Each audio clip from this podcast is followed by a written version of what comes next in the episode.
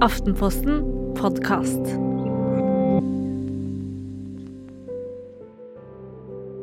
På ungdomsskole og videregående så er barna så store at man kan ikke lenger ta en telefon og liksom ringe til foreldrene til vennen og si sånn Du, han har veldig lyst til å leke med gutten din, kan ikke de møtes og leke sammen? Man, man gjør ikke det med en 14-åring.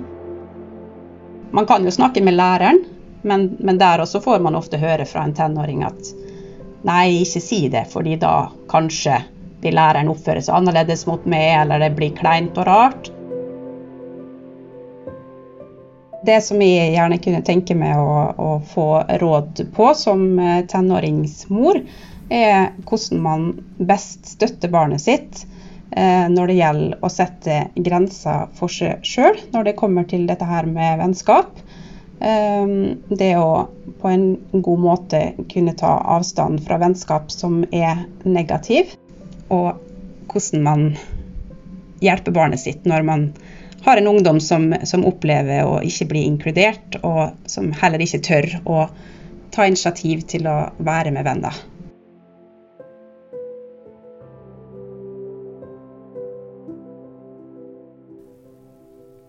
Konseptet vennskap har endra seg litt det siste halvannet året, sa du til meg litt på forhånd her, Hedvig Montgomery. På hvilken måte da?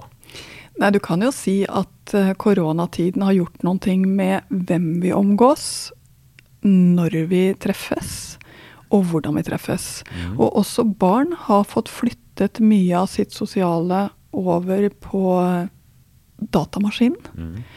Eh, vi foreldre har truffet mange færre mm. i løpet av dette halvannet året enn det vi pleier.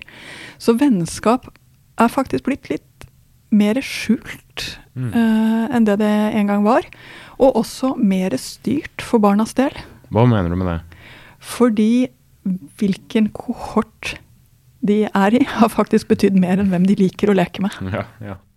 Vi skal snakke litt om vennskap og utenforskap i denne episoden av Foreldrekoden. Og vennskapstyranniet, nei, jeg kan ikke kalle det det, men litt, starter tidlig, Hedvig. Snakker da om konseptet bestevenn, som barn liksom får inn i vokabularet sitt allerede som veldig små, uten at man helt skjønner hvor de har fått det fra. Hvorfor sitter det så hardt i oss? Det å virkelig føle at det finnes et du og jeg, er kjempedeilig. Eh, og jeg tror alle, både voksne og barn, leter litt etter det. Og det er jo det som ligger i bestevenn. I bestevenn så ligger det at du og jeg har noe som er veldig spesielt, mm. som ikke alle andre har. Jeg tror at den eksklusiviteten som ligger i det å ha en bestevenn, eh, gjør at det kjennes enda mer både sjeldent og skinnende ut. Og barn elsker alt som skinner. De er som skjærer. Er det noe som er eh, skinnende, så vil de ha det og samle det oppi reiret sitt. Så det er ikke noe rart at barn snakker om bestevenner mye, og også som om de har funnet en ny bestevenn når de har snakket med noen i syv minutter. Mm. Så eh, jeg forstår fascinasjonen. Samtidig som jeg bare si vennskap er utrolig komplekse og langsomme ting, eh, og viktige. Og viktige på hvilken måte da, egentlig? Jo, fordi at i den der sosiale settingen som er å være sammen med andre, så trener man seg opp til en hel masse ting som er nyttige senere i livet. Det er hvordan man er mot hverandre på en ålreit måte, hvordan man kan respektere at folk er forskjellige, hvordan man kan lage rom for hverandre, hvordan man løser konflikter med hverandre, hvordan man blir enige om ting. Altså det er veldig mye som skjer i lek, som er viktige for barnas sosiale utvikling. Og det vil si at denne her det å være sammen, kall det vennskap eller ikke, men det å være sammen med andre barn, er det er det som gjør at de får med seg det de trenger for å fungere senere. Så vi vet at barnas vennskap betyr mye.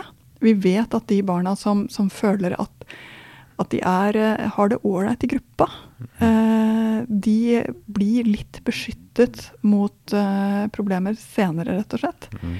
Så det å få til disse gode settingene hvor barn kan være sammen og med hverandre, men med en veiledning som gjør at det ikke blir stående fast når det blir en liten konflikt eller litt ugreie, det er helt gull for barna. Mm. Hva mener du egentlig da, altså med litt hjelp hvis de står fast? Jo, fordi at uh, jo yngre barna er, jo mer hjelp trenger de for å få til denne settingen. Mm. Uh, de yngste barna hvis de er eh, under fire, eh, så har de lite tak på konseptet å dele, f.eks. Mhm. Eh, Det er de ikke helt klare for ennå. De ser ting fra hva de trenger, eh, og har vanskelig for å se hvordan det kjennes for andre. De trenger rett og slett hjelp til å komme ut av de situasjonene uten å gjøre det vondt, når de tar ting fra hverandre eller eh, For det er ofte det de gjør i den alderen der. De havner i eh, knapphetsgodekonflikter. Eh, begge vil ha samme ting, ikke sant? Mm. Eh, og da trenger de en voksen som kan si ah, har dere begge to lyst på den, vet du hva, jeg har en til, eller da kan du få det. Altså de tingene som de ikke klarer selv. For det, det er ikke fordi de ikke har lært seg å dele, det er fordi de ikke kan det enda. De kommer til å lære seg det Mm. når de blir klare for det. Men det å få lov til å sitte sammen, og det ser de jo med de minste barna, de elsker å sitte ved siden av hverandre og leke. De inspirerer hverandre, de gjør at de føler seg tryggere i det de selv sitter og pusler med, selv om de ikke deler historien nødvendigvis. Mm. Så kommer de opp et hakk og kommer der hvor de kan begynne å dele historien og dele leken. Mm. Uh, og det skjer en eller annen gang i tre-fireårsalderen. De begynner å leke mer aktivt med hverandre. Eh, lager historier sammen, eh, blir enige om hva de skal leke, durer av gårde sammen, som er en vidunderlig følelse. Men de er nybegynnere på dette her.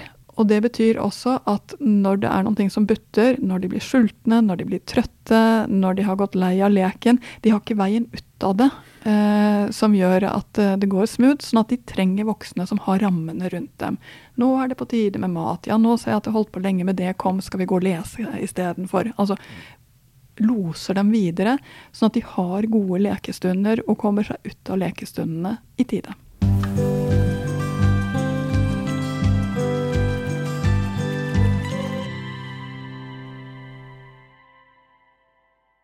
Jeg nevnte at dette konseptet bestevenn setter seg tidlig, men en annen ting som setter seg veldig tidlig, er vel foreldres frykt for at barn ikke skal ha venner. Og når er det en sånn frykt kan være berettiga, og når er det bare å kaste den på båten? Det er utrolig sårt til enhver tid å se at ditt barn sitter alene. Det tror jeg stikker i hjertet hos de aller fleste. Nå må jeg si at før barna er fire, så er det mer vanlig enn uvanlig, i hvert fall minst like vanlig, å leke med den som er i nærheten uten å egentlig foretrekke noen. Mm. Eh, Så barns vennskap eh, handler om å bli vant til dette her. Og noen er tidligere ute med å være veldig sånn eh, Foretrekke noen enn det andre er. Så her er de ganske forskjellige. Jeg tenker jo at det er en viktig oppgave at alle barn får leke med noen. Eh, og at det legges til rette for det på en måte som, som barna er med på, altså med respekt for deres lek. For det er ikke vi voksne som skal sitte der, det er de. Eh, men lage lekestunder som er, gir barna mulighet til å være sammen. Barnehager er genialt. Altså dette er en av grunnene som gjør at barnehager er genialt. Fordi det lager slike lekemuligheter. Men at barna maser om å invitere noen hjem Noen barn er veldig tidlig ute med det og begynner med det i tre-fireårsalderen. Spesielt hvis de har eldre søsken som de har lært av. ikke sant? Eh, For igjen, det er en sånn Det er en prosess inni dette her. Eh, Men det betyr ikke at de nødvendigvis ligger så langt foran heller. Det betyr bare at de har fanget opp noen sosiale koder. Skjønner. Eh, Jeg tenker jo at når barna kommer opp og begynner på skolen, så får vi en helt ny sånn omrokering av hvem de leker med, og hva de gjør for noen ting.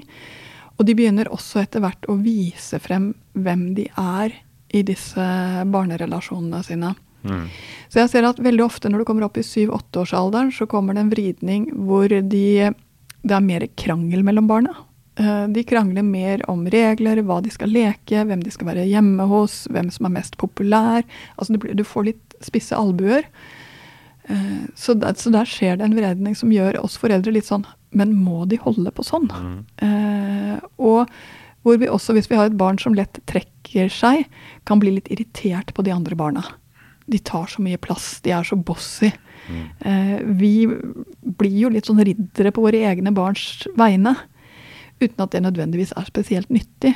For de andre barna er sjelden spesielt dårlige. Eh, men de driver og sliper seg inn på å kunne disse sosiale ferdighetene. Men når er det liksom barna begynner å uh, ha vennskap slik vi kjenner vennskap? Når er det det ikke bare er sånn lekekamerater og sånn tilfeldige En måned er det han, og en annen uke er det henne og sånn? Altså Den store sosiale vridningen skjer når de er rundt ti år. Ni, ti, elleveårsalderen, avhengig av, eh, av modenhetsnivå. Og det vil si at de virkelig begynner å gå til valgte venner. Ikke bare dem de tilfeldigvis er på lag med eller er i klasse med. Eller, altså de leter etter noen ting mer. Eh, og de leter etter noen å stå sammen med. Å stå sammen med betyr også sammen mot de andre. Sånn alliansebygging? Ja, egentlig. Eh, og det er klart de er helt nybegynnere på det. Så at de skulle klare dette uten å gjøre hverandre vondt, det gjør de jo ikke.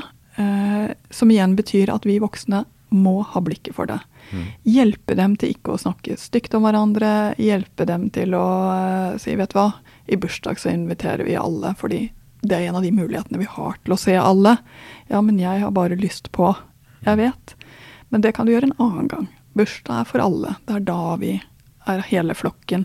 Altså, holde på at de lærer seg de tingene som gjør uh, at de tar vare på hverandre, også de som ikke er den uh, i alliansen akkurat nå. Mm.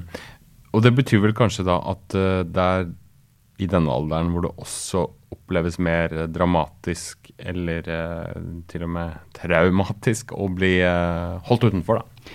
Absolutt. altså Ekskludering er på mange måter femteklasses sørgelige molltone. Og krever at vi voksne viser frem hvordan man ikke gjør det. Altså hvordan man tar med. Mm. Eh, for de vet ikke. De vet det ikke ennå. Og den sødmen i å være valgt, sødmen i å være i en allianse, kan rett og slett lure barna til å være på en måte som de ikke er så stolte av i ettertid. Det er ikke noe ålreit følelse for dem heller. Men hva mener du med å vise, da? Ikke fortelle, men Nei, men å lage dette, disse arenaene hvor vi er alle, når vi hører at de sier for skarpe ting, sier vet du hva Hadde hun hørt det, så hadde hun blitt lei seg. Mm. Uh, er ikke noe vits i. Mm. Uh, dere kan ha det fint uten at dere trenger å si ting som kanskje er vondt for andre å gjøre. Uh, rett og slett komme med sånne små drypp. Men med drypp mener jeg virkelig at vi skal veilede dem, ikke fordømme dem. Mm. Eh, for det er jo det som så lett blir. Det er at eh, vi, eh, vi dømmer dem hardt og syns at de burde ha lært seg disse tingene.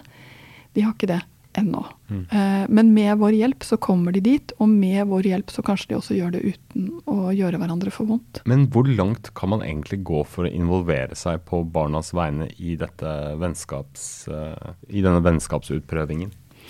Altså for, uh, for barnehagebarna så tror jeg for det første at vi bare skal være med på at de trenger arenaer hvor de er med andre barn. Det er nok. Altså den der treningen å være sammen er nok. For uh, de yngste skolebarna så handler det mye om å legge til rette for at de kan ha besøk, at det er uh, hyggelig når det er besøk.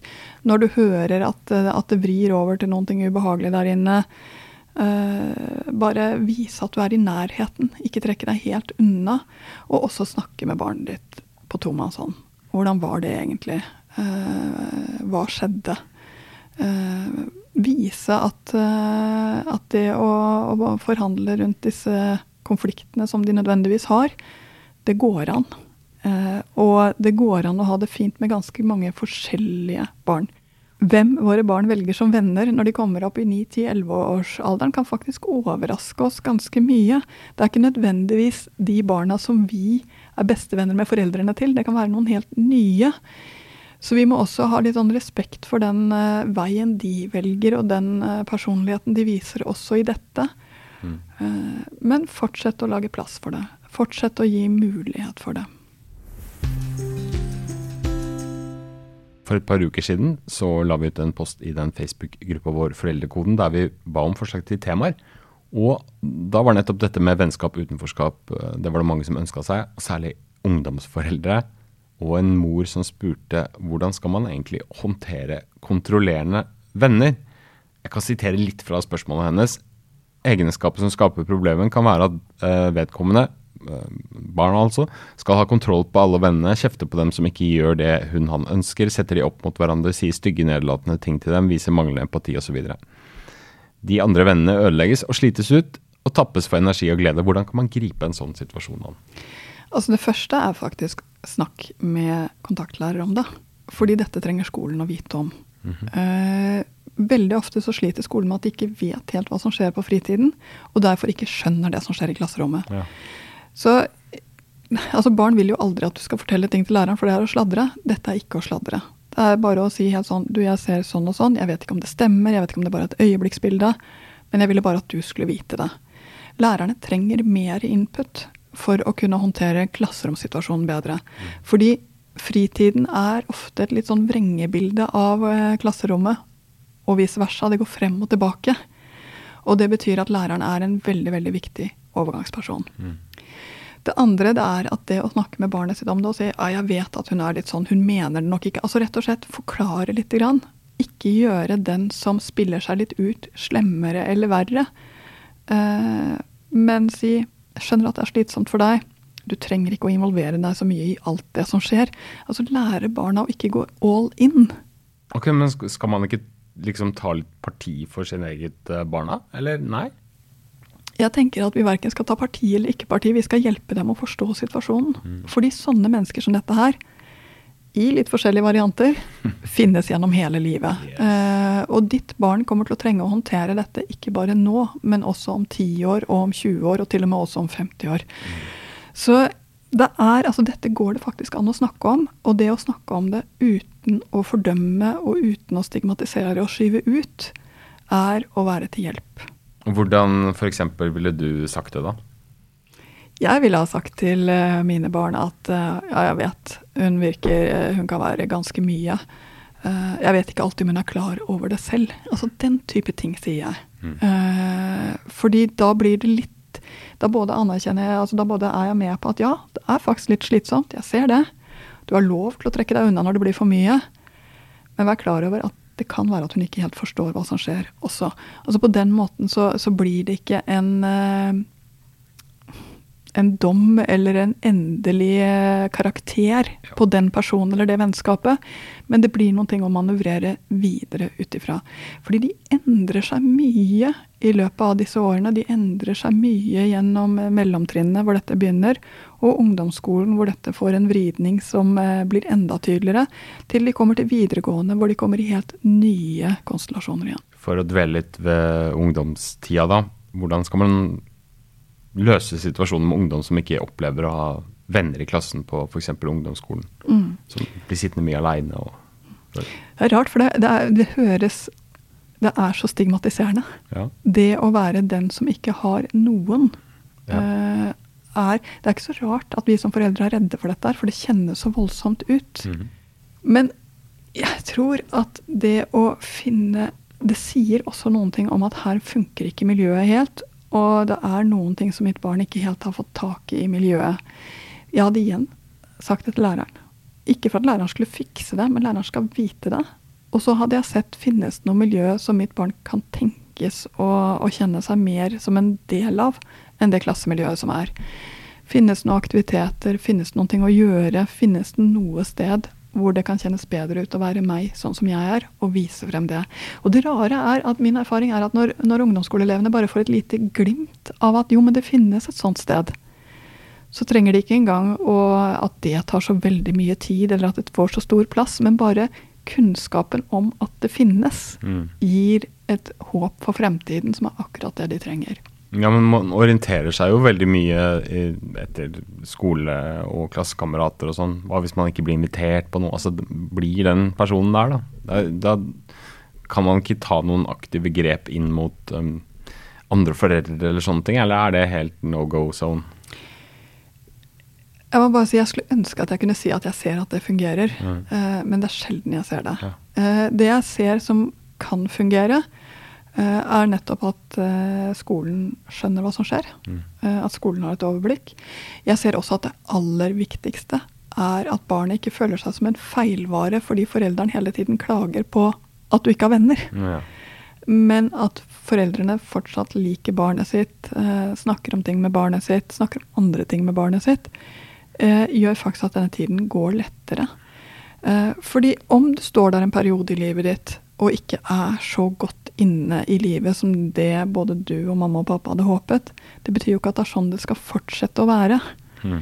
Eh, og hvert eneste kontaktpunkt betyr noe, og det som betyr mye, er fortsatt kontaktpunktet med foreldrene.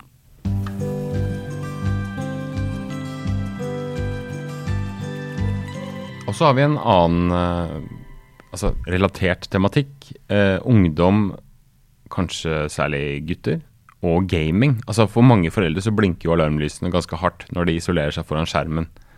For det første, er det noen grunn til bekymring over det? Og hvordan skal man liksom snakke med dem for å få dem til å forstå at det, finnes en verdi i analoge vennskap også? Altså Nå må jeg si, nå har vi vært igjennom harde tider for analoge vennskap. Ja. Og jeg er ganske glad for at vi i denne perioden her har hatt muligheten til å være sammen, le sammen, gjøre noe sammen, ha fellesskap på nettet. Mm. Og der er gamingen helt uovertruffen. Mm. Så altså det første når det gjelder gaming, det er at det kommer litt an på om de gamer fordi det er gøy, eller fordi ingenting annet er gøy. Det Ja. er to forskjellige ting. Ja. Eh, gamer de seg inn i et fellesskap, eller eh, prøver de å game seg bort fra noen ting som er vondt og vanskelig? Ja. Jeg hører mye på lyden fra gutterommet. Eh, er det latter, eller er det innbitt? Går det utover søvn, og går det utover appetitt, og går det utover eh, skole, og er stille, så er det helt klart her er det noe som er vanskelig. Er det fortsatt eh, søvn og mat og, og skolearbeid og latter under gamingen, så er det sannsynligvis good to go. Så det er en ganske stor forskjell på de to tingene der. Eh, og det er ikke alltid så lett å skille, jeg er enig i det, men jeg tror vi skal være klar over at det er to veldig forskjellige ting. Eh, om gamingen er det som samler, eller det som gjør at du flykter. Mm. Det andre det er at jeg tror jo at det å møtes i tillegg betyr masse. Men det er noe vi skal rett og slett Mulighetene må finnes der. Eh, Det er ikke et moralsk spørsmål. Gå ut nå på fotballbanen og treff de andre. Hvis de andre ikke er der, så er det jo ikke noen hjelp i det. Nei. Står man der alene på fotballbanen, da. Eh, Så det å se på hvilke arenaer finnes det som faktisk er å treffes. Og nå håper jeg jo virkelig at vi går inn i et eh, skoleår hvor skolen blir et sted å treffes. Mm. Du sier at man skal hjelpe dem til å oppsøke nye arenaer, kanskje. Og mulighet til å utvikle nye vennskap, andre typer vennskap. Men hvis man ikke klarer å finne de, eh, og det er en grense for hvor mye man kan gjøre for eh, barna også, hva, hva er det man står igjen med da, hvis man opplever barn som ikke eh, har noen særlige venner? Det viktigste er at barnet aldri føler at det står alene igjen, men at du fortsatt liker det. Mm. Så det båndet som du har med barnet, betyr gjør faktisk hele forskjellen. Ja. Eh, og det at du skjønner om det er ok for barnet, eller om det er vanskelig for barnet, altså at du faktisk har litt sånn grep om det, Mm. gjør det lettere for det barnet å være seg, enten det er ålreit eller det er vanskelig. Mm. Så jeg tenker av og til at vi må ikke bli så ambisiøse på barnas vennskap at vi ligger tre mil foran barnet. Uh, og vi må heller ikke bremse barna ved å si at du ikke kan ha besøk og jeg er sliten, altså rett og slett ligge bak barnet. Mm. Vi må finne det der som er å være med barnet, også når det gjelder vennskap.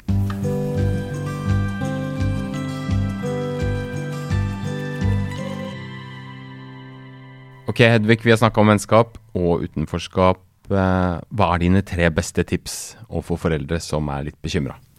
Altså det første er barn lærer seg masse om vennskap ved å se på deg. Så lag plass til dine egne venner. La barna få lov til å høre når du snakker med dine egne venner. Hvordan du snakker om andre mennesker og andre venner, betyr noen ting. Vis verdien, rett og slett, av å være med andre og av å ha folk rundt seg som man stoler på. Helt fra starten av. Men hva hvis man ikke har tid til å pleie egne vennskap fordi man har disse barna? Ja, men selv den telefonsamtalen, og vit at det, dine vennskap betyr noen ting, også når du har små barn. Så den plassen er ikke bare for deg, det er også for dere som familie. Så det ene er rett og slett vær en rollemodell. Ja. Du viser frem noe der. Det andre det er når du ser at noen vennskap er viktige for barnet ditt. Eh, lag plass til det også, og du kan si at det er også noen ting som tar tid.